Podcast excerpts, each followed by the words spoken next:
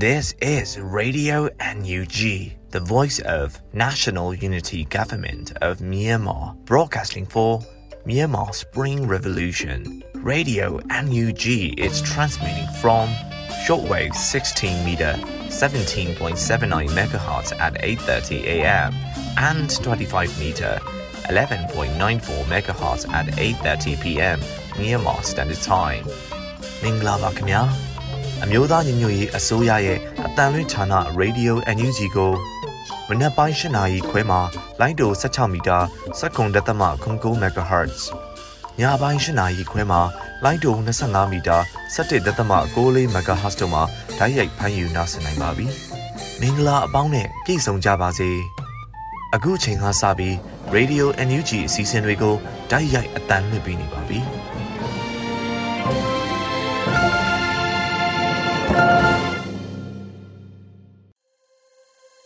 မြန်မာနိုင်ငံသူနိုင်ငံသားအပေါင်းတဘာဝပြီးဆရာနာရှင်ဗီရိုကနေကင်းဝေးပြီးကိုစိတ်နှပြကျမ်းမာချမ်းသာရှိကြပါစေလို့ရေဒီယိုအန်ယူဂျီအဖွဲ့သားများကဆုတောင်းမေတ္တာပို့သလာရပါတယ်။အခုပထမအဆုံးအနေနဲ့ကာကွယ်ရေးဝန်ကြီးဌာနရဲ့စီရေးသတင်းအကျဉ်းချုပ်ကိုတော့လွတ်လပ်နေဦးမှဖတ်ကြားတင်ပြပေးမှာဖြစ်ပါတယ်ရှင်။အမျိုးသားညွေရေးဆိုရကာကွယ်ရေးဝန်ကြီးဌာနရဲ့နေ့စဉ်စစ်ရေးသတင်းအကျဉ်းချုပ်ကိုတင်ပြပေးပါမယ်။ တည်င်းများအရအကြမ်းဖက်စစ်ကောင်စီတပ်သား2ဦးသေဆုံးပြီးဒဏ်ရာရသူအရေအတွက်ကိုစုံစမ်းဆဲဖြစ်ပါတယ်။အဆိုပါစစ်ကောင်စီနဲ့တိုက်ပွဲဖြစ်ပွားမှုတည်င်းများမှာမွန်ပြည်နယ်တွင်ဒီဇင်ဘာလ10ရက်နေ့နေ့လယ်3:30မိနစ်ခန့်ကပေါင်မြို့နယ်ဖလတ်ကြီးရွာရန်ကုန်မော်လမြိုင်ကားလမ်းပေါ်တွင်စင်ကြိုက်နယ်မြေရဲစခန်းမှနေထင်းရဲတပ်သားမောင်ကိုကိုနဲ့ရဲတပ်သားခိုင်စောထွန်းတို့ကိုပြစ်ခတ်တိုက်ခိုက်ခဲ့ရမှသေဆုံးခဲ့ကြောင်းသိရပါတယ်။ရန်ကုန်တိုင်းတွင် ဒီဇင်ဘာလ10ရက်နေ့နေ့လယ်3:45မိနစ်ခန့်ကလှိုင်မြို့နယ်အင်းစိန်လမ်းမကြီးနယ်ကန်လန်းတောက်ရှိ EPC ရုံးတွင်တပ်ဆွဲထားသောစစ်ကောင်စီကင်းစခန်းကို Imaragal Army EGA နိုင်ငံရေးအကျဉ်းသားများအလုံးကိုစားပြုတိုက်ခိုက်ရေးဖွဲ့ Freelance Attack Force FLA နဲ့ Revolution of 21st Century အဖွဲ့တို့ပူးပေါင်း၍ဘုံခွဲတိုက်ခိုက်ခဲ့ကြောင်းသိရပါတယ်။ဆက်လက်ပြီးစစ်ကောင်စီကျူးလွန်ခဲ့တဲ့ရာဇဝတ်မှုများကိုတင်ပြပေးပါမယ်။ ကရင်နီကရားပြည်နယ်တွင်ဒီဇင်ဘာလ10ရက်နေ့မနက်7:30မိနစ်ခန့်ကဒီမော့ဆိုမြို့နယ်အရှိတ်ချမ်းရှိရွာတရွာတွင်စစ်ကောင်စီမှဒရုန်းဖြင့်လာရောက်ပစ်ခတ်တာကြောင့်အိမ်တအိမ်၏အလဲတွင်တက်တက်ကြရောက်ပြီးအဆိုပါအိမ်ရဲ့ပေတရာပတ်လည်တွင်မိလောင်ကျွမ်းမှုဖြစ်ပွားကဒေသခံများဝိုင်းဝန်းညှိမ့်ပေးခဲ့ရပြီးခမရ420ကွန်တပ်ပမှာလက်နက်ကြီး၅လုံးခန့်ပစ်ခတ်ရာရွာထဲသို့ကြာရောက်ခဲ့ကြောင်းသိရပါတယ်။မန္တလေးတိုင်းတွင် ဒီဇင်ဘာလ10ရက်နေ့နနက်ပိုင်းကနထိုးကြီးမြို့နယ်အမှတ်9ရပ်ကွက်ရှိ NLD တိုင်းလွှတ်တော်ကိုယ်စားလှယ်ဦးစိန်ကျော်မိုးပိုင်တဲ့အောင်ပန်းဝေဘော်ဒါဆောင်အားစစ်ကောင်စီများကမိရှို့ခဲ့ကြတယ်လို့သိရပါတယ်ခင်ဗျာယခုတင်ပြပေးခဲ့တဲ့သတင်းတွေကိုမြေပြင်သတင်းတာဝန်ခံတွေနဲ့ခိုင်လုံသောသတင်းရင်းမြစ်များမှာအခြေခံပြုစုထားခြင်းဖြစ်ပါတယ်ကျွန်တော်ကလွတ်လပ်နေဦးပါခင်ဗျာ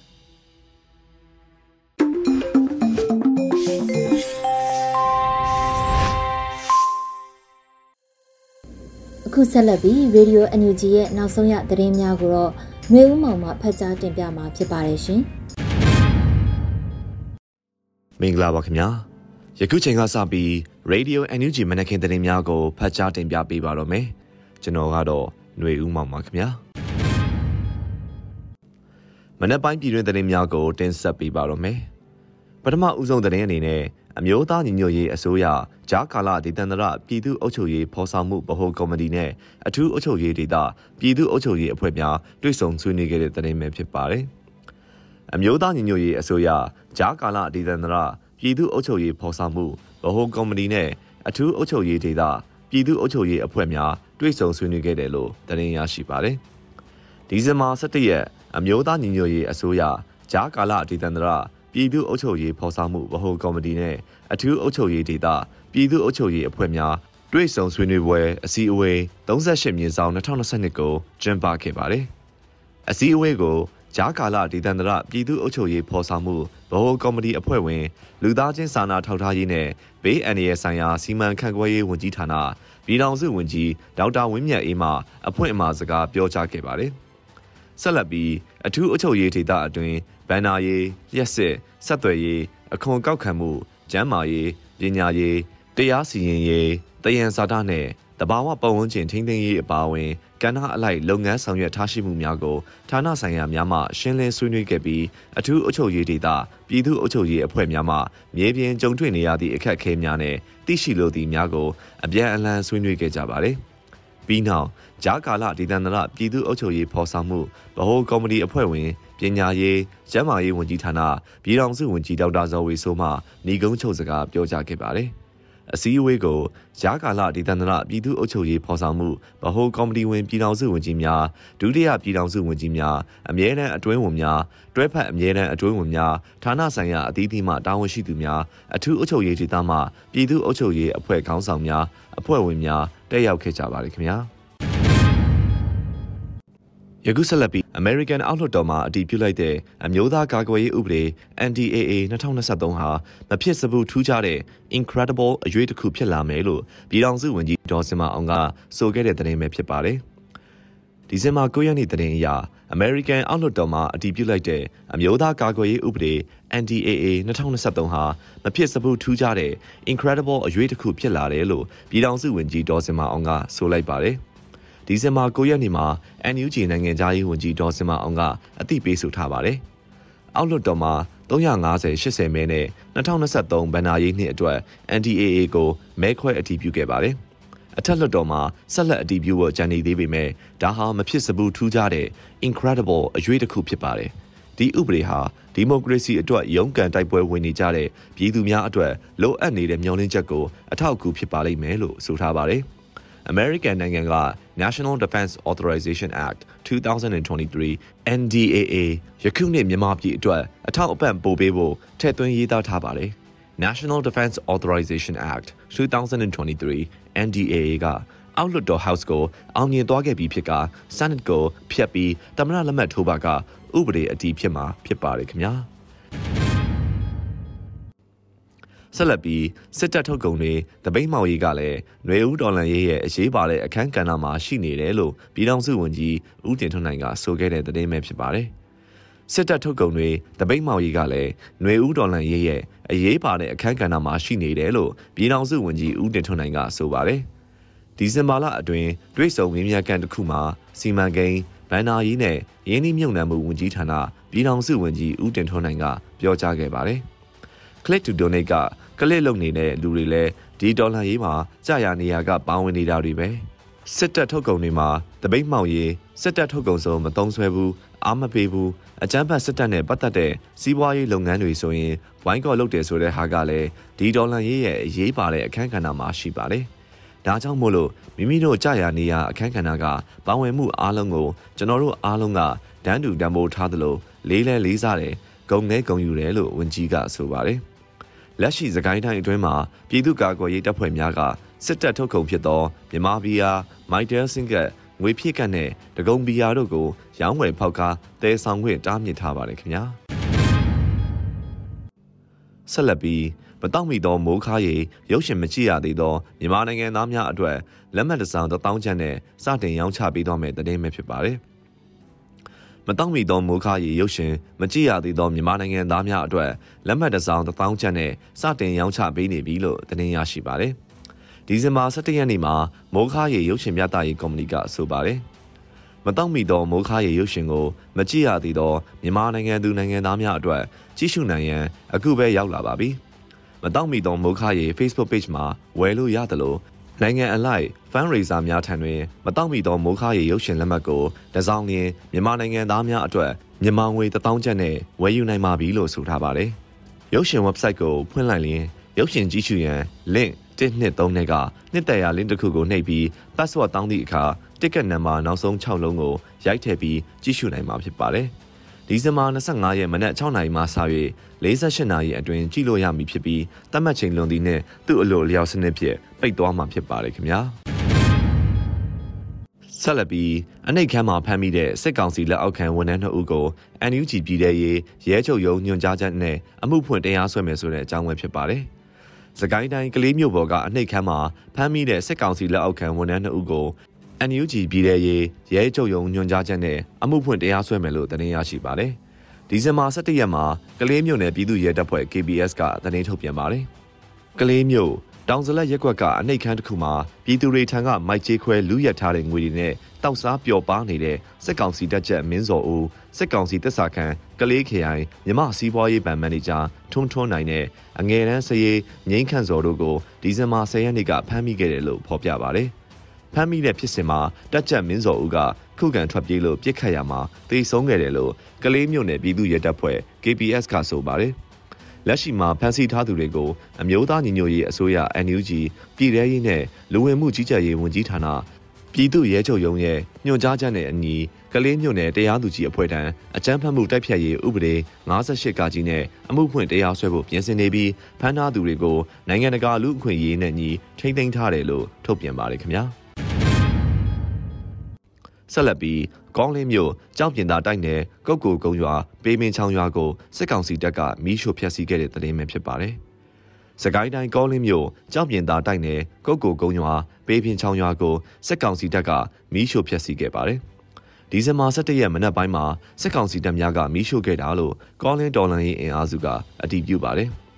ဒီဇင်ဘာ17ရက်ကောလင်းမြို့ကြောက်ပြင်သာတိုက်နယ်ကုတ်ကိုကုန်းရွာဘေးမင်းချောင်းရွာတို့ကိုစစ်ကောင်စီတပ်များကမီးရှို့ခဲ့ပါတယ်လို့ KR team ကဆိုပါတယ်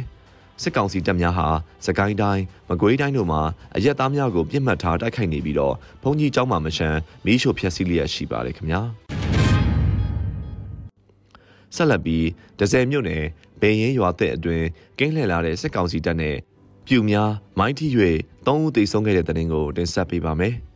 စကိုင်းတိုင်းဒဇယ်မြို့နယ်ဘေးရင်ရွာတဲ့အတွင်းကင်းလှည့်လာတဲ့စစ်ကောင်စီတပ်နယ်ပြူများမိုင်းထိ၍၃ဦးသေဆုံးခဲ့ပါတယ်။ဒီဇင်ဘာ17ရက်နေ့မနက်ပိုင်းမှာစစ်ကောင်စီတပ်နယ်ပြူများတိုက်မိုင်းနှစ်ကြိမ်မိခဲ့တယ်လို့ဒဇယ်ပကဖကအတည်ပြုဆိုပါတယ်။ဒဇယ်မြို့နယ်ဘေးရင်ရွာတဲ့အတွင်းစစ်ကောင်စီတပ်နယ်ပြူများကင်းလှည့်လာစဉ်ပကဖတိုက်မိုင်းနှစ်ကြိမ်မိပြီးစစ်ကောင်စီတပ်ကတအူးနဲ့ပြူနှစ်ဦးသေဆုံးကအများအပြားဒဏ်ရာရရှိသွားခဲ့တယ်လို့ဆိုပါတယ်။ပြီးခဲ့တဲ့နိုဝင်ဘာ17ရက်နေ့ကလည်း ဝရငယ်မူဒရာတောင်ဘက်ရေကျော်တရားပေါ်ဖျက်တက်လာသောခမာယ386စစ်ကြောင်းအားဒဇယ်ပခဖမှပဒေသာမိုင်းလေးလုံးတွဲဖြင့်ဖောက်ခွဲတိုက်ခတ်ခဲ့ရာစစ်ကောင်စီတပ်က6ဦးသေဆုံးခဲ့ပါတယ်။ယခုတင်ဆက်ပေးခဲ့တဲ့သတင်းတွေကိုတော့ Radio NUG သတင်းတောက်မင်းမင်းကပေးပို့ထားတာဖြစ်ပါတယ်ခင်ဗျာ။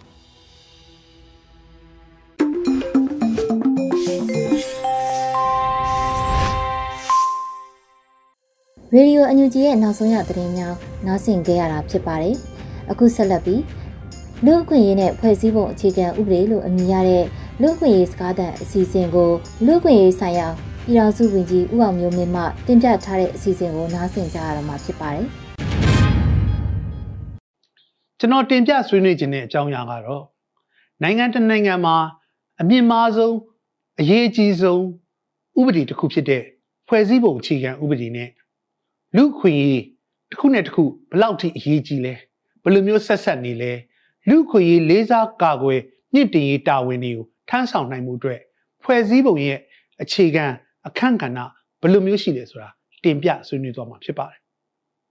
ဖွဲ့စည်းပုံအခြေခံဥပဒေဆိုတဲ့အတိုင်းဖွဲ့စည်းပုံအခြေခံဥပဒေဟာနိုင်ငံတစ်ခုမှာအမြင့်မားဆုံးဥပဒေလို့ခေါ်ဆိုလို့ရပါတယ်။ဘာကြောင့်လဲဆိုတော့ဒီဖွဲ့စည်းပုံအခြေခံဥပဒေမှာနိုင်ငံတနိုင်ငံရဲ့အုပ်ချုပ်မှုပုံစံတစ်ရပ်ကို ဘယ်လိုမျိုးဖွဲ့စည်းကြမလဲဘယ်လိုတာဝန်တွေပေးကြမလဲဆိုတဲ့အချက်တွေပါဝင်လိရှိပါတယ်ဒါအပြင်အဲ့ဒီနိုင်ငံအတွင်းမှာရှိတဲ့ပြည်သူတဦးတယောက်ချင်းရဲ့အခွင့်အရေးတွေကဘာတွေခံစား권ရှိလဲဆိုတာဖွဲ့စည်းပုံအခြေခံဥပဒေတွေမှာတည်တည်ကြဖော်ပြထားလိရှိပါတယ်ဒါအပြင်နိုင်ငံသားတွေနဲ့အခွင့်အရေးဆိုတဲ့တာဝန်ခံစား권တွေမကဘဲနဲ့နိုင်ငံသားတယောက်အနေနဲ့ဘာတွေတာဝန်ရှိလဲဘ ယ်လိုမျိုးဝတ္တရားတွေရှိလဲဆိုတာဖော်ပြထားတဲ့အတွက်ဖွဲ့စည်းပုံအခြေခံဥပဒေကအရေးပါပါတယ်။ဒါအပြင်ဒီလိုမျိုးအရေးပါတဲ့ထဲမှာမှလူခွေနဲ့ပတ်သက်တဲ့အာမခံချက်တွေလူခွေနဲ့ပတ်သက်လို့အစိုးရရဲ့တာဝန်ရှိမှုတွေပြည်သူလူထုတဦးတယောက်ချင်းရဲ့အခွင့်အရေးတွေကိုဖော်ပြထားတဲ့အတွက်ဖွဲ့စည်းပုံအခြေခံဥပဒေတွေမှာလူခွေရေးနဲ့ပတ်သက်တဲ့ဘလောက်ထိအရေးပါတဲ့အရာတွေပါလဲဘယ်လိုစမ်းစစ်မလဲဆိုတဲ့အချက် ဖွဲ့စည်းပုံအခြေခံဥပဒေမှာဖော်ပြထားတဲ့တာဝန်တွေကိုထမ်းဆောင်နေတဲ့အစိုးရအုပ်ချုပ်မှုစနစ်တွေမှာလူခွေကိုဘယ်လောက်ထိလေးစားတယ်ဆိုတဲ့အချက်ဒါတွေကိုကျွန်တော်တို့မဖြစ်မနေစောင့်ကြည့်ဖို့လိုအပ်ပါတယ်။ဒါကြောင့်မလို့ဖွဲ့စည်းပုံအခြေခံဥပဒေဆိုတာဥပဒေအရအမြင့်ဆုံးဥပဒေဖြစ်တယ်လို့အစိုးရနဲ့ပြည်သူတွေကြားထဲမှာတယောက်ရဲ့တယောက်တာဝန်ရှိမှုနဲ့တတာဝန်သူ့မိမှုတွေကိုသဘောတူညီရေးဆွဲထားတဲ့ပြည်ညင်တရက်လို့လည်းဖော်ပြလို့ရပါတယ် အဲ့တော့ဖွဲ့စည်းပုံအခြေခံဥပဒေကောင်းလေလေလူအခွင့်အရေးရလေးစားကာကွယ်မှုတွေမြင့်လာလေဖြစ်ပါလိမ့်မယ်ဒါကြောင့်မလို့နိုင်ငံတကာနိုင်ငံမှာဖွဲ့စည်းပုံအခြေခံဥပဒေတစ်ခုကိုအတိရေးဆွဲတာဖြစ်ပါစေပြန်လည်ပြီးတော့ပြောင်းလဲပြီးတော့ပြင်ဆင်တာပဲဖြစ်ပါစေဒါမှမဟုတ်ရှင်အစအဆုံးပြန်လည်ပြီးတော့အစ်စ်တစ်ဖန်ရေးဆွဲတာပဲဖြစ်ပါစေလူခွင့်ရေးအချက်နဲ့ပတ်သက်ပြီးတော့ကျွန်တော်တို့လေးစားတဲ့လူခွင့်နဲ့ပတ်သက်ပြီးတော့ကာကွယ်ပေးတဲ့ ပြည်သူလူထုတွေအကျိုးရှိတဲ့ဖွဲ့စည်းပုံအခြေခံဥပဒေဖြစ်ဖို့လိုအပ်ပါတယ်ဒါကြောင့်မလို့ဖွဲ့စည်းပုံအခြေခံဥပဒေကိုပြောင်းတဲ့အခါမှာပြင်တဲ့အခါမှာအစ်စ်ရေးဆွဲတဲ့အချိန်မှာပြည်သူလူထုတွေကပါဝင်မှုကမဖြစ်မနေလိုအပ်ပါတယ်ပြည်သူလူထုဆိုတဲ့အထဲထဲမှာမှပြည်သူအလုံးပါဝင်သင့်ပါတယ်ပါဝင်သင့်ပါဝင်ထိုက်သောသူများအားလုံးပါဝင်မှုအရေးကြီးပါတယ်ပါဝင်သင့်ပါဝင်ထိုက်သောသူများဆိုတဲ့ဟာကပါနေကြဆွေရေးဆွဲနေတဲ့အချိန်မှာလူသိနေကြအရာတွေမကပဲနဲ့ တချို့သောပါဝင်သင့်ပါဝင်ထိုက်ပေမဲ့ဘယ်တော့မှမပါဝင်ပဲမေ့လျော့ခံနေရတာဘေးဖယ်ခံနေရတာအဲ့လိုမျိုးလူတွေရဲ့အတန်တွေလည်းပါဝင်မှုအရေးကြီးပါတယ်ဒါကြောင့်မလို့ဖွဲ့စည်းပုံအခြေခံဥပဒေကိုပြင်ဆင်မယ်အတိရေးဆွဲမယ်ဒါမှမဟုတ်ရှင်ပြောင်းလဲမယ်ဆိုတဲ့ခါတိုင်းခါတိုင်းဖွဲ့စည်းပုံအခြေခံဥပဒေကိုဘဒူတွေကရေးဆွဲတာလဲအရေးကြီးပါတယ်ဒါအပြင်ဘဒူတွေကပါဝင်ခွင့်ရှိလဲဆိုတာအရေးကြီးပါတယ်ဖွဲ့စည်းပုံအခြေခံဥပဒေထဲမှာ နိုင်ငံတကာစံချိန်စံညွှန်းတွေဖြစ်တဲ့လူခွေမူပေါင်းတွေရောဘလောက်ထိထည့်သွင်းပြီးရေးဆွဲထားလဲဆိုတဲ့အချက်တွေကကျွန်တော်အရေးကြီးပါတယ်ခင်ဗျနောက်တစ်ခုကတော့ဖွဲ့စည်းပုံအခြေခံဥပဒေကိုလူခွေနဲ့ကိုက်ညီမှုဘလောက်ထိရှိလဲလူခွေကိုဘလောက်ထိအားပေးတဲ့ဖွဲ့စည်းပုံအခြေခံဖြစ်လဲဆိုတာစမ်းစစ်နိုင်တဲ့အချက်လေးတွေရှိပါတယ်ပထမဦးဆုံးကျွန်တော်တို့စမ်းစစ်နိုင်တဲ့အချက်ကတော့ဖွဲ့စည်းပုံအခြေခံဥပဒေထဲမှာ right holder လို့ခေါ်တဲ့ လူခွေခံစားပိုင်ခွင့်ရှိတဲ့သူတွေကိုဘယ်လိုမျိုးအတိတ်ပဲဖွင့်ထားလဲဒါကကျွန်တော်တို့ကြည့်နိုင်တဲ့အချက်ချက်ဖြစ်ပါတယ်တကယ်လို့ဖွဲ့စည်းပုံအခြေခံဥပဒေတွေမှာနိုင်ငံသားများဆိုတဲ့သတ်မှတ်ချက်လားဒါမှမဟုတ်ရှိရင်နိုင်ငံတော်အတွင်းမှာရှိသောသူလို့သတ်မှတ်ချက်လားဒီနှစ်ခုရဲ့အတိတ်ပဲကွာပါတယ်နိုင်ငံသားတွေမကဘဲနဲ့နိုင်ငံတွင်းမှာရှိတဲ့သူတွေအားလုံးကိုခံစား권ရှိတဲ့ဟာကပုံမကျေပြတ်ပါတယ်တစ်ချိန်တည်းမှာရင်တိုင်းရင်းသားလူမျိုးစုပဲသတ်မှတ်ထားလား ဒါဆိုရင်တိုင်းရင်းသားလူမျိုးစုဖြစ်အတိတ်မှမပြုတ်ခံထီးတဲ့ဘေးဖယ်ကျင်ခံရတဲ့သူတွေရဲ့အခွင့်အရေးအကျုံးမဝင်သူဖြစ်ပါတယ်ဒါကြောင့်မလို့ခံစား권ရှိတဲ့သူတွေရဲ့အကြောင်းကိုဆွေးနွေးတဲ့အခါမှာဘလောက်ထိကြည်ကြည်ပြင်းပြင်းခံစား권ကိုပေးထားလဲဒီချက်ကလူခွင့်ရလေ့လာကြည့်နိုင်တဲ့အချက်ဖြစ်ပါတယ်နောက်ထပ်တစ်ခုကတော့ duty bearer လို့ခေါ်တဲ့လူခွင့်ကိုလေးစားဖို့တာဝန်ရှိတဲ့သူတွေဘလောက်ထိသတ်မှတ်ထားလဲအဓိကကတော့အစိုးရကတာဝန်ရှိဆုံးဖြစ်ပါတယ် ဒါပေမဲ့အစိုးရရဲ့ဌာနတွေဖြစ်တဲ့အုပ်ချုပ်ရေးတရားစီရင်ရေးဥပဒေပြုရေးဆိုတဲ့နေရာကဏ္ဍအသီးသီးမှာပါဝင်နေတဲ့သူတွေကသူ့ရဲ့တာဝန်ကိုစီကိုစီကိုဘလောက်ထိသိရှိနားလည်ထားလဲလူခွေနဲ့ပတ်သက်ပြီးတော့ဘလောက်ထိလှုပ်ဆောင်မှုအတွက်အာတိတရှိလဲသူတို့ရဲ့တာဝန်ရောသူတို့ခြေပြုံးရလားဒီအချက်လေးကထည့်သွင်းစဉ်းစားရမယ်အချက်နံပါတ်1 duty bearer ဆိုတဲ့အချက်ဖြစ်ပါတယ်နောက်ထပ်နံပါတ်3ကတော့ ဖွဲ့စည်းပုံအခြေခံဥပဒေရဲ့အခြေခံမူဝါဒတွေကိုကျွန်တော်ကြည့်လို့ရပါတယ် fundamental principle လို့ခေါ်ပါတယ်အဲ့တော့ဖွဲ့စည်းပုံအခြေခံဥပဒေရဲ့မူဝါဒတွေထဲမှာလူခွင့်ကိုအခြေခံရလားလူခွင့်ရမကဘဲနဲ့လူခွင့်ရအနှစ်သာရဖြစ်တဲ့ကိုယ်ပိုင်ဆုံးဖြတ်ပိုင်ခွင့်ဒန်းတူညီမျှခွင့်ခွဲခြားမှုကင်းစင်ခွင့်စတဲ့အချက်တွေရောတိတိလင်းဖော်ပြထားရဲ့လားဒီအချက်တွေကအခြေခံကြသောမူဝါဒဖြစ်ရဲ့လား ဒါတွေကိုကျွန်တော်စမ်းစစ်ခြင်းအဖြစ်နံပါတ်3ဖြစ်တဲ့အခြေခံမူဝါဒဆိုတဲ့အပိုင်းကိုကျွန်တော်တို့စမ်းစစ်နိုင်ပါတယ်နောက်ထပ်စမ်းစစ်နိုင်တဲ့နီလန်း၄ခုကတော့ဖော်ပြထားတဲ့အခွင့်အရေးတွေကအမျိုးအစားစုံညီရဲ့လားသဘောတဘာဝရမတူညီတဲ့အများပြည်သူဆိုင်ရာအခွင့်အရေးနိုင်ငံရေးအခွင့်အရေးစီးပွားရေးလူမှုရေးရည်ကြည်မှုခွင့်ရေးဒါမျိုးအားလုံးရောလွှမ်းခြုံထားရဲ့လားဘာကြောင့်လဲဆိုတော့အခွင့်အရေးဆိုတာတစ်ခုမရှိရင်တစ်ခုက ထိခိုက်မှုရှိပါတယ်အဲ့တော့သဘောတဘာဝမတူတဲ့အခွင့်အရေးအားလုံးကိုဖွဲ့စည်းပုံအခြေခံဥပဒေမှာဖော်ပြထားရဲ့လားဒါမှမဟုတ်ရှင်တူးချင်းအခွင့်အရေးဒါတွေမကဘဲနဲ့အုပ်စုလိုက်အခွင့်အရေး collective rights တွေရောဒါတွေရောဖော်ပြထားရဲ့လားဒါနဲ့လည်းကျွန်တော်စမ်းစစ်ခြင်းအဖြစ်ဖွဲ့စည်းပုံအခြေခံဥပဒေရဲ့လူခွင့်ရေးဆိုင်ရာစံချိန်စံညွှန်းဘယ်လောက်ထိကောင်းလဲစမ်းစစ်လို့ရပါတယ်နောက်တစ်ခုကတော့ကန့်သက်ခွင့်ပါဒီကန့်သက်ခွင့်ကိုတော့ကျွန်တော်တို့အနေနဲ့အပိုက်9အနေနဲ့ဖော်ပြထားပါတယ် ကန့်သက်ခွင့်ဆိုတာတော့တဘာဝဘေးဒဏ်ကြောင့်ဖြစ်ပါစေအရေးပေါ်အကြောင်းအရာကြောင့်ဖြစ်ပါစေလိုအပ်လာလို့ရှိရင်တချို့သောအခြေခံအခွင့်အရေးတွေကိုကန့်သက်ပိုင်ခွင့်ပါဥပမာစစ်ပွဲတွေဖြစ်နေတယ်တကယ်ကိုသဘာဝဘေးဒဏ်ဖြစ်နေတဲ့အချိန်မှာလွတ်လပ်စွာသွားလာခွင့်ဆိုတဲ့အချက်ကအကန့်အသတ်အနေနဲ့ကန့်သတ်နိုင်တဲ့အချက်ဖြစ်ပါတယ်အဲတော့ဒါမျိုးတွေကန့်သတ်မှုတွေရောခွင့်ပြုထားရလားဒါကဖွဲ့စည်းဖို့အခြေခံဥပဒေရဲ့ကန့်သတ်ခွင့်နေ ကန့်သတ်မှုလုပ်တဲ့နေရာမျိုးမှာလဲတကယ်လို့အဲ့လိုလှုပ်ဆောင်ပြီးစိတ်ထင်တိုင်းဥပဒေပြဋ္ဌာန်းပြီးတော့ကန့်သက်တဲ့အရာမျိုးမဖြစ်အောင်လဲဒါကိုဖွဲ့စည်းဖို့အခြေခံဥပဒေကဘလောက်ထိတားဆီးထားလဲဒါနဲ့ပတ်သက်ပြီးတော့ဘယ်လိုမျိုးကျွန်တော်တို့ပြောဆိုရေးသားပြဋ္ဌာန်းထားလဲဆိုတဲ့အချက်ကိုကြည့်နိုင်ပါတယ်နောက်တစ်ချက်ကတော့နံပါတ်6ပါနံပါတ်6ကတော့ကန့်သက်နိုင်ပေမဲ့စိတ်ထင်တိုင်းမကန့်သက်နိုင်အောင်အာနာရှင်ရဲ့လိုသလိုကန့်သက်မှုတွေမလုပ်နိုင်အောင်ပိတ်ပင်မှုတွေမလုပ်နိုင်အောင် ဒါကိုပြန်ပြီးတော့ထိန်းချုပ်တဲ့အရာရောဖြစ်ရလားဥပမာဥပဒေတစ်ခုပြဋ္ဌာန်းထားပြီးတော့လုပ်မဲ့စားဒီဟာကဥပဒေရဖြစ်ရမယ်ကြိုတင်ပြီးတော့တိုင်ပင်မှုရှိရမယ်ခွင့်ပြုချက်ရယူရမယ်ဆိုရဲအရေးပေါ်ကာလအချိန်မှာဘယ်လိုလုပ်ရမလဲဆိုရဲပြဋ္ဌာန်းချက်တွေရောပါဝင်ရလားဒါတွေကိုကျွန်တော်ကြည့်ပါတယ်နောက်ဆုံးတစ်ခုကတော့ပါဝင်တဲ့ပါဝင်ထိုက်သော လေးစားခွင့်ရှိသောသူများအားလုံးကကိုယ့်ရဲ့အခွင့်အရေးကိုကိုကာကွယ်ဖို့ တာဝန်ရှိပါတယ်တစ်ချိန်တည်းမှာလည်းအစိုးရအနေနဲ့သူတို့တာဝန်ရှိတဲ့အတိုင်းမကာကွယ်ဘူးနောက်တစ်ချိန်အစိုးရမှာတာဝန်ရှိတဲ့သူကချိုးဖောက်လာရင်သူတို့ကအပြစ်ပေးရေးယူနိုင်တဲ့အကြောင်းတရားပါဝင်လာဒီအချက်တွေအားလုံးနဲ့ကျွန်တော်တို့တိုင်ပင်ပြီးတော့လှုပ်ဆောင်ပြီးတော့ညှိနှိုင်းဆောင်ရွက်ပါတယ်စမ်းစစ်နိုင်ပါတယ်ပြောခဲ့သလိုပါပဲဖွဲ့စည်းပုံအခြေခံဥပဒေဆိုတာနိုင်ငံတနိုင်ငံရဲ့အမြင့်ဆုံးဥပဒေဖြစ်တယ်လို့အစိုးရနဲ့ပြည်သူလူထုကြားထဲမှာသဘောတူညီချုပ်နှောင်ထားတဲ့ပြည်ညင်တစ်ခုဖြစ်ပါတယ် ဖွဲ့စည်းပုံအခြေခံဥပဒေကိုကြည်ချင်းအဖြစ်ဒီတိုင်းပြည်မှာဒီမိုကရေစီစနစ်ဘယ်လောက်ထိထူထောင်နိုင်ထားနိုင်ဖွဲ့စည်းပုံအခြေခံဥပဒေအားဖြင့်အုပ်ချုပ်မှုစနစ်ကောင်းဘယ်လောက်ထိရှိလဲဆိုတာထင်ရှားနိုင်ပါတယ်ဖွဲ့စည်းပုံအခြေခံဥပဒေကိုကြည်ချင်းအဖြစ်မန်နိုင်နေကြတဲ့မှာတစ်ခုနဲ့တစ်ခုလွတ်လပ်စွာအပြန်အလှန်ထိန်းကျောင်းတာတာဝန်တွေကိုတိကျပြဋ္ဌာန်းတာကိုကြည့်နိုင်ပါတယ်ဖွဲ့စည်းပုံအခြေခံဥပဒေကိုကြည်ချင်းအဖြစ်လူခွေဘယ်လောက်ထိလေးစားလဲ လူခွေရဘယ်လိုမျိုးကာကွယ်မှုတွေရှိလို့ဆိုတာသိနိုင်တဲ့အတွက်ဖွဲ့စည်းပုံအခြေခံဥပဒေကိုရေးဆွဲကြမယ်ပြင်ဆင်ကြမယ်ဒါမှမဟုတ်ရှင်ဖွဲ့စည်းပုံအခြေခံဥပဒေကိုကျွန်တော်တို့ကျင့်သုံးကြမယ်ဆိုရင်လူခွေနဲ့ပတ်သက်တဲ့အချက်လက်တွေအားလုံးပါဝင်ုံလို့မကဘဲနဲ့ကျင့်သုံးခွင့်တွေပါဝင်ခွင့်တွေလှုပ်ဆောင်ခွင့်တွေအားလုံးကိုဒီမိုကရေစီနည်းလမ်းတခြားနဲ့ခွင့်ပြုထားဖို့လှုပ်ဆောင်ခွင့်ပေးဖို့အတွက်လိုအပ်တဲ့အကြောင်းတင်ပြလိုပါတယ်ခင်ဗျာ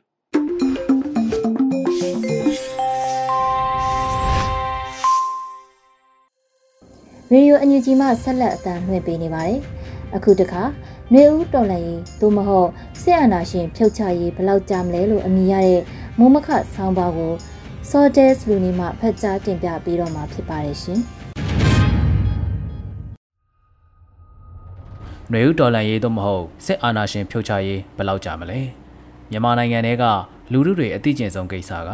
စစ်အာဏာရှင်တွေဘယ်တော့ပြုတ်ကြမလဲ။တနည်းအားဖြင့်နှွေဦးတော်လန်ရေးလို့ခေါ်ဆိုကြတဲ့လက်နက်ကင်တိုက်ခိုက်မှုဘယ်တော့အောင်ပွဲခံမလဲဆိုတဲ့မေးခွန်းပဲဖြစ်ပါတယ်။တာမန်လက်လွတ်လက်စားအငှားကားမောင်းသူတွေလည်းသိကျင်တယ်လို့ဈေးရောက်တဲ့ဈေးသည်တွေကြေးလက်ကစပားဆိုင်သူပဲ့ဆိုင်သူနှက်ဆိုင်သူတွေလည်းသိကျင်ကြတဲ့မေးခွန်းဖြစ်ပါတယ်။အချင်းချင်းဖြစ်စေနိုင်ငံရေးဗဟုသုတရှိသူတွေနဲ့စကားဆက်မိလို့ဖြစ်စေဒီမေးခွန်းကိုမေးကြတာတဘာဝလိုဖြစ်နေကြပါ။တရင်နေတဲ့ NUG ရဲ့ဆိုရရဲ့ ခေါင်းဆောင်တွေပြောဆိုမှုတွေကိုတရင်နေတဲ့နားထောင်ကြည့်တဲ့အခါမှာတော့နောက်နှစ်မှာအောင်ပွဲဆုံးဖြတ်နှစ်ဆိုတဲ့ပြောဆိုမှုတွေကတော့ကြားသိနေရတာကြောင့်2023ခုနှစ်ကိုအနိုင်ရှုံးဆုံးဖြတ်ပေးမဲ့နှစ်သို့မဟုတ်အနိုင်ရကိုရမဲ့နှစ်လို့တော့စန္ဒအရမျှော်လင့်ထားကြတဲ့သဘောတွေလည်းတွေ့ရတာဖြစ်ပါတယ်။ဒါကပြည်ရင်းကနေဘယ်ကောမှမထွက်ခွာနိုင်သွားဖို့လည်းအဆက်အသွယ်မရှိငွေကြေးနောက်ခံမရှိရရအလုပ်လုပ်နိုင်တဲ့အသက်အရွယ်လည်းမဟုတ်တော့တဲ့သူတွေရဲ့မျှော်လင့်ချက်ဖြစ်ပါတယ်။ လူငယ်လူရွယ်တွေကြားမမရွေပြပထွက်အလုပ်လုပ်ကင်ကြဖို့နေ့စဉ်နဲ့အမျှနိုင်ငံကူးလက်မှတ်လုပ်ရာရုံးတွေမှာစုပြုံတိုးပြီးလုပ်နေကြပြည်ပကိုထွက်ခွာနေကြတာဖြစ်ပါတယ်။တနိုင်ငံလုံးမှာဘယ်မှာနေထိုင်သူဖြစ်စေရန်ကုန်မြို့ကနိုင်ငံကူးလက်မှတ်လုပ်တဲ့ရုံးမှာလုပ်လို့ရတာကြောင့်တရက်တရက်လူ2500ကနေ3000ကြားရှိတဲ့အရေးအတွက်က passport လုပ်နေကြတာပဲဖြစ်ပါတယ်။ ရန်ကုန်မြို့မှာရင် passport လုပ်နေကြတာမဟုတ်ပဲရန်ကုန်မြို့မှာရက်ချင်းယူရခက်ခဲလို့ပြည်내တိုင်းမြို့တွေမှာ passport လုပ်ဖို့မော်လမြိုင်ပသိမ်မြဝတီမြစ်ကြီးနားမြို့တွေအထိနှစ်ရက်သုံးရက်ခီးဖြစ်သွားရောက်က passport လျှောက်ကြတဲ့သူတွေလည်းယာနဲ့ချီရှိနေတာဖြစ်ပါတယ်ရန်ကုန်ကနေမြောက်ရီမှာ passport သွားလုပ်တာရန်ကုန်ကနေနေပြည်တော်မှာသွားလုပ်တာပသိမ်မှာသွားလုပ်တာတွေကိုကြားသိနေရတာဖြစ်ပါတယ်။မနက်တိုင်းမနက်တိုင်းမင်္ဂလာလုံးလေစိတ်မှာလဲမလေးရှားအလုပ်သွားလုပ်ဖို့ထွက်ခွာကြသူ ကိုရီးယားကိုအလုံးနဲ့ထွက်ခွာသူတွေပြည့်နှံ့နေပြီးအလဲအပတ်နဲ့အခြားသောရည်ရွယ်ချက်သွားသူကဆယ်ပုံတပုံမျှတော့မရှိပါဘူး။လေစိတ်ကတွေမဟုတ်ဘဲနေဆက်ဝင်ပေါက်ထွက်ပေါက်တွေကနေထိုင်းမှာအလုပ်လုပ်ခွင့်သဘောတူညီချက်နဲ့တွားရောက်နေသူတွေခိုးဝင်ပြီးတရားမဝင်အလုပ်လုပ်နေထိုင်မဲ့သူတွေမလေးရှားကိုတရားမဝင်တွားရောက်ဖို့ထိုင်းကိုတရားမဝင်ဖြတ်ကာတွားမဲ့သူတွေနေ့စဉ်သူနေသူဟန်နဲ့တွားနေကြတာဖြစ်ပါတယ်။ လက်နက်ကင်တိုက်ပွဲတွေဖြစ်နေတဲ့ဒေသကလူငယ်တွေလည်းအများအပြားထွက်ခွာကြတဲ့အထက်တွေ့နေရပါတယ်။မိဘတွေအနေနဲ့လက်နက်ကင်ပဋိပက္ခကြားတဲ့အသက်ခံရမယ့်အန္တရာယ်လည်းရှိတာကြောင့်ပြည်ပမှာအလုတ်သွားလုပ်မဲ့ရွေးချယ်မှုကိုအားပေးကြပြီးငွေကြေးအနှဲငယ်ကိုချစ်ချုပ်စုဆောင်းစေလွှတ်ကြတာဖြစ်ပါတယ်။ထိုင်းမလေးရှားအရှေ့အလဲပိုင်းနိုင်ငံတို့ကိုရီးယားနဲ့ငွေကြေးတက်နိုင်သူအနှဲငယ်ကဂျပန်လူမျိုးကိုသွားနေကြတာဖြစ်ပါတယ်။ အခုလိုလူငယ်လူရွယ်နဲ့ကြာရအလုပ်လုပ်နိုင်တဲ့လူလက်ပိုင်းတွေပြည်ပကိုထွက်ခွာသွားနေကြတာရဲ့တက်ရောက်မှုကနယ်တွေမှာစိုက်ပျိုးရေးအတွက်အလုပ်သမားငှားဖို့ခက်ခဲလာတယ်လို့ဆိုပါတယ်။စဘာဆိုင်ဖို့ဖြစ်စေပဲနှုတ်ဖို့ဖြစ်စေမြေပဲနှုတ်ဖို့ဖြစ်စေအလုပ်သမားခေါ်ဖို့ခက်ခဲလာတာပဲဖြစ်ပါတယ် မြန်မာနိုင်ငံရဲ့လက်နက်ကင်ပဋိပက္ခရဲ့အကျိုးဆက်တွေကစိုက်ပျိုးရေးလုပ်ငန်းစက်ရုံလုပ်ရုံတွေမှာလောက်ခလာစားလုပ်သားအဖြစ်အလောက်ကင်ခွင့်လန်းတွေကိုထိခိုက်စေပြီးပြည်ပမှာအလုပ်သွားရောက်လောက်ကင်တဲ့ဘက်ကိုသာတိုးတက်များပြားလာတာတွေ့ရပါတယ်။အရင်အရင်ကမွန်ပြည်နယ်တနင်္သာရီတိုင်းနဲ့ကရင်ပြည်နယ်ကလူငယ်နဲ့လူလက်ပိုင်းတွေအများအပြားဟာထိုင်းနိုင်ငံမှာအလုပ်သွားရောက်လောက်ကင်ကြလို့ရွာတွေမှာအသက်ကြီးသူတွေနဲ့အရွယ်မရောက်သေးတဲ့သားသမီးတွေသာကြံရစ်ခဲ့တဲ့အဖြစ်မျိုးတွေအခု အခြားသောပြည်နယ်နဲ့တိုင်းတွေဖြစ်တဲ့ရခိုင်ချင်းစကိုင်းမကွေးပဲခူးတိုင်းတို့မှာပါဖြစ်လာနေပြီဖြစ်ပါတယ်။အာနာသိမ်းမှုရဲ့အကျိုးဆက်ပြည်တွင်းလက်နက်ကင်ပဋိပက္ခမတည်ငြိမ်မှုစီးပွားရေးအရပိတ်ဆို့ခံရမှုတွေကပြည်တွင်းမှာအလုတ်အကင်ရခွင့်လန်းကိုကြီးကြီးမားမားထိခိုက်စေတာကြောင့်မြန်မာနိုင်ငံသားတိန်းနဲ့တန်းနဲ့ချီတိုင်းပြည်ကနေခိတ္တအားဖြင့်ထွက်ခွာကရရအလုပ်လုပ်ကင်ကြရတဲ့အခြေအနေဖြစ်လာနေပြီဖြစ်ပါတယ်။ပြည်တွင်းကကြံရစ်သူတွေအနေနဲ့ကတော့ ပြည်ပကမိသားစုဝင်တွေအလုပ်လုပ်ပြီးပြန်ပို့ပေးမဲ့ဝင်ငွေတချို့ကိုမိခိုးကအသက်ရှင်နေထိုင်ကြရမယ့်အနေအထားလည်းဖြစ်ပါတယ်။ဒီအခြေအနေတွေကိုဘယ်သူမှနှစ်သက်လိုလားကြတာတော့မဟုတ်လို့မြန်မာနိုင်ငံဘယ်တော့ပြန်လဲအေဂျင့်မလဲစီးပွားရေးအလုပ်ကိုင်ခွင့်လန်းတွေပေါ်ထွက်လာပြီးကိုယ်နိုင်ငံမှာမိသားစုနဲ့နီးနီးနားနားအလုပ်လုပ်နိုင်မလဲဆိုတာမျှော်လင့်နေကြရတဲ့ဘဝမျိုးလည်းဖြစ်ပါတယ်။လက်နက်ကင်တိုက်ပွဲလမ်းစဉ်ဖြစ်တာမို့ တစ်နှစ်အတွင်းနှစ်နှစ်အတွင်းနိုင်ရှုံးဆုံးဖြတ်ကပေါ်ခြင်းမပေါ်နိုင်မယ်ဆိုတာလဲဖြစ်နိုင်ခြေများတဲ့မှန်းဆမှုတစ်ခုဖြစ်ပါတယ်။ဖြစ်ချင်တဲ့ဆန္ဒကိုပဲမျှော်လင့်နေတာမဟုတ်ပဲလက်တွေ့ကြတဲ့ဖြစ်နိုင်ခြေရှိတဲ့အခြေအနေတစ်ခုက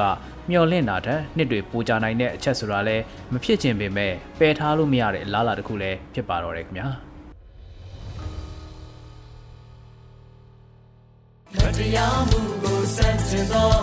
တွေဥပများပွင့်လန်း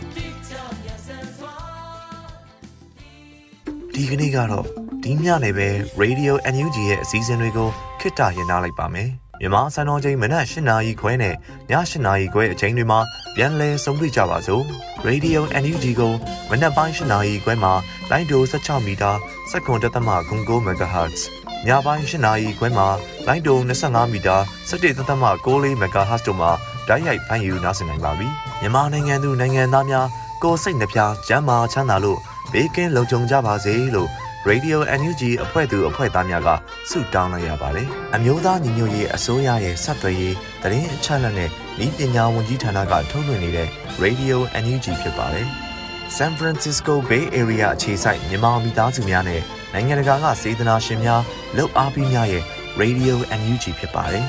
။အရေးတော်ပုံအောင်ရမည်